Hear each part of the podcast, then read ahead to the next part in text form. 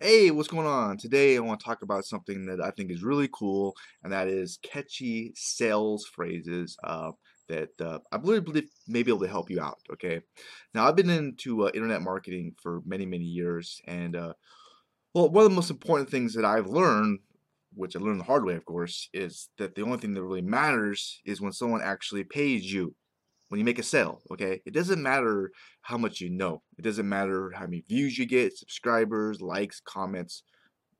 Doesn't nothing that, that matters. So that's the thing which you really should be focused on. Um, and today my goal is really just give you some sales phrases that uh, hopefully can put the odds in your favor because I almost think that sales is like a battle. Every day you have to get up and, and you know fight. Um, so yeah, put the odds to your favor so you can win. Um, but selling online is completely different than say selling on the phone or, or selling person to person. There's a skill set to learn, okay? And some people learn it the hard way. The easier way to learn it, to shorten that learning curve, is to to find someone who's really, really good, like a mentor, and then learn from well, view them. All right. okay, I, I, caught myself using one of those words that uh, I'm going to talk about later, which is learn. But um, yeah, and you can check it out by just clicking on that link below. Okay, and uh, yeah, you could uh, you could check him out and view him.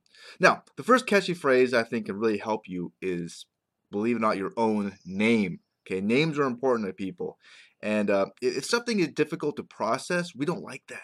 Do you like that? I don't. We like simple things, okay? Um, in a study of 500 attorneys at 10 U.S. law firms, found that when somebody's name was very hard to pronounce, just I couldn't. It was just difficult. They're lower in the hierarchy. Uh, they didn't do as good than someone with a simple name. It's catchy. Uh, the first thing that comes to my mind is the famous lawyer from TV. You know what I'm talking about? Huh? What? Yeah, from Breaking Bad. Sal, which rhymes with pal. That's like one of the perfect names. Sal, better call Sal. Better call your pal. That's like boom. You can see how he could make money off of that. Um, so that's the first thing. And as on the topic of names, the sweetest sound of someone you ever read Dale Carnegie books, you know, how to win friends and influence people, it's the sound of their own name. And have you ever heard of the uh, the Coke? Well, apart from like your mom saying your full name, right, which is angry, so you know she's you're in the bat, you're like in trouble. Kevin. I don't know why that came to my mind, but there was a campaign from Coke, you know, very successful business, Coca-Cola, right, all over the world. Um, Warren Buffett drinks Coke like crazy. He invests in it. Um, well, sales were in a slump, so someone came up with this genius idea, which I think was pretty genius. Not trying to be sarcastic, but to put people's names on Coke bottles, right? Very popular names and uh, it was it was a whole campaign called Coca-Cola Share a Coke, and uh, pretty cool. And what happened was that sales for Coke jumped in a whole decade just by putting names on Coke. So people, because names are important. So there's no more proof in the pudding right there. And of course, one of the most gifted, uh, well, you may not agree with this, but uh, when it comes to politics, knowing people's names is a really good thing. And I was gonna say Bill Clinton was like somehow he just knew everybody's name and could feel your pain, and so there's a lot. There's some basically. I just caught myself saying another word which I need to get rid of somehow. Basically, is another one I'm gonna talk about later. I think I'm all right. Well, anyways, uh, yeah.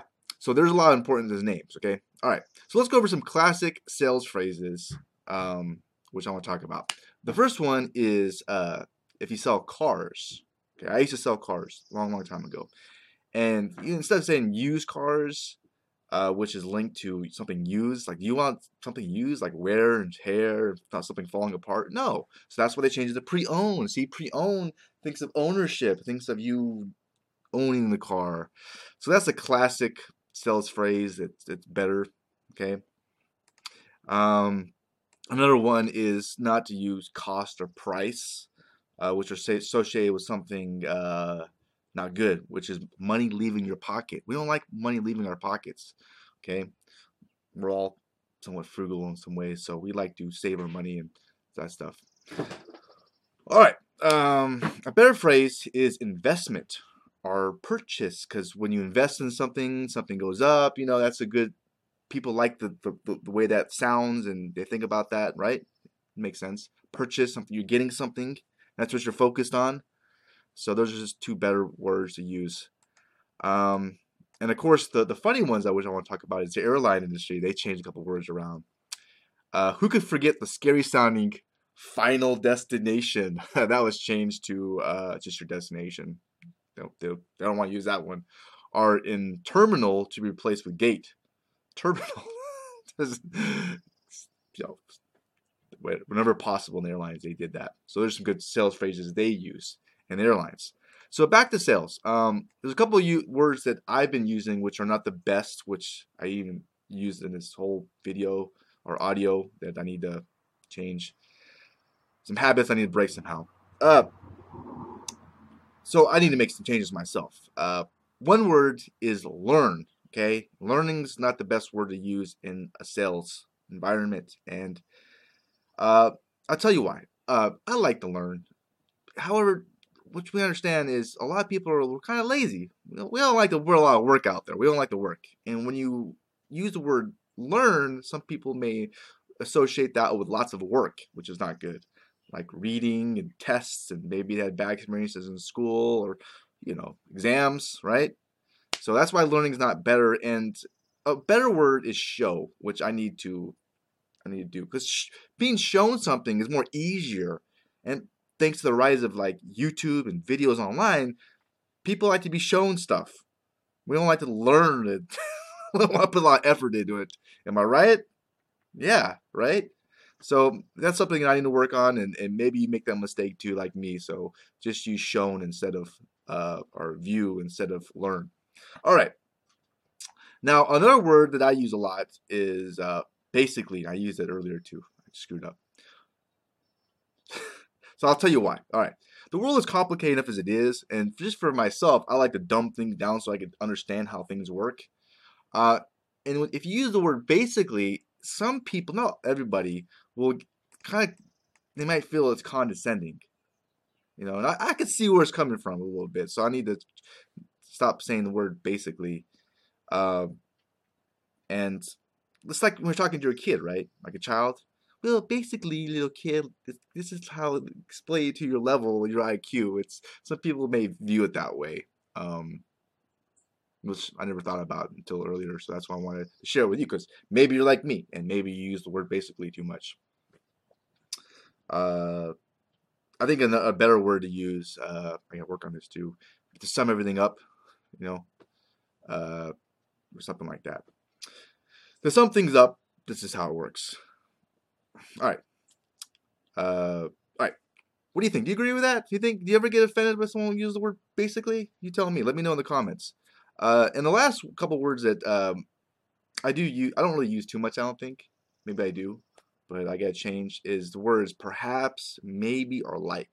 Because if you were words per, maybe or perhaps a lot, it, it sounds like you're not sure of yourself. And if you're not sure, then why should someone else be sure? So it's just not the best when it comes to confidence. Uh, I, I, I, looking back, I've used those words a couple of times, which I need to change. And uh, another word is uh, like, you know, like like this, like that, like that, you know. And one reason why it may not be the best sales phrase to use in, in your your daily battles is uh, it, it makes things more generic, and you want to be unique. You know, you want the service you provide to be unique, or or product that you're offering to be unique. And that's is why it's not the best word to use. So what do you think about this video, huh? Do you agree, disagree with some of these sales phrases? Do you have some that you um, you want to add? You know, please share below.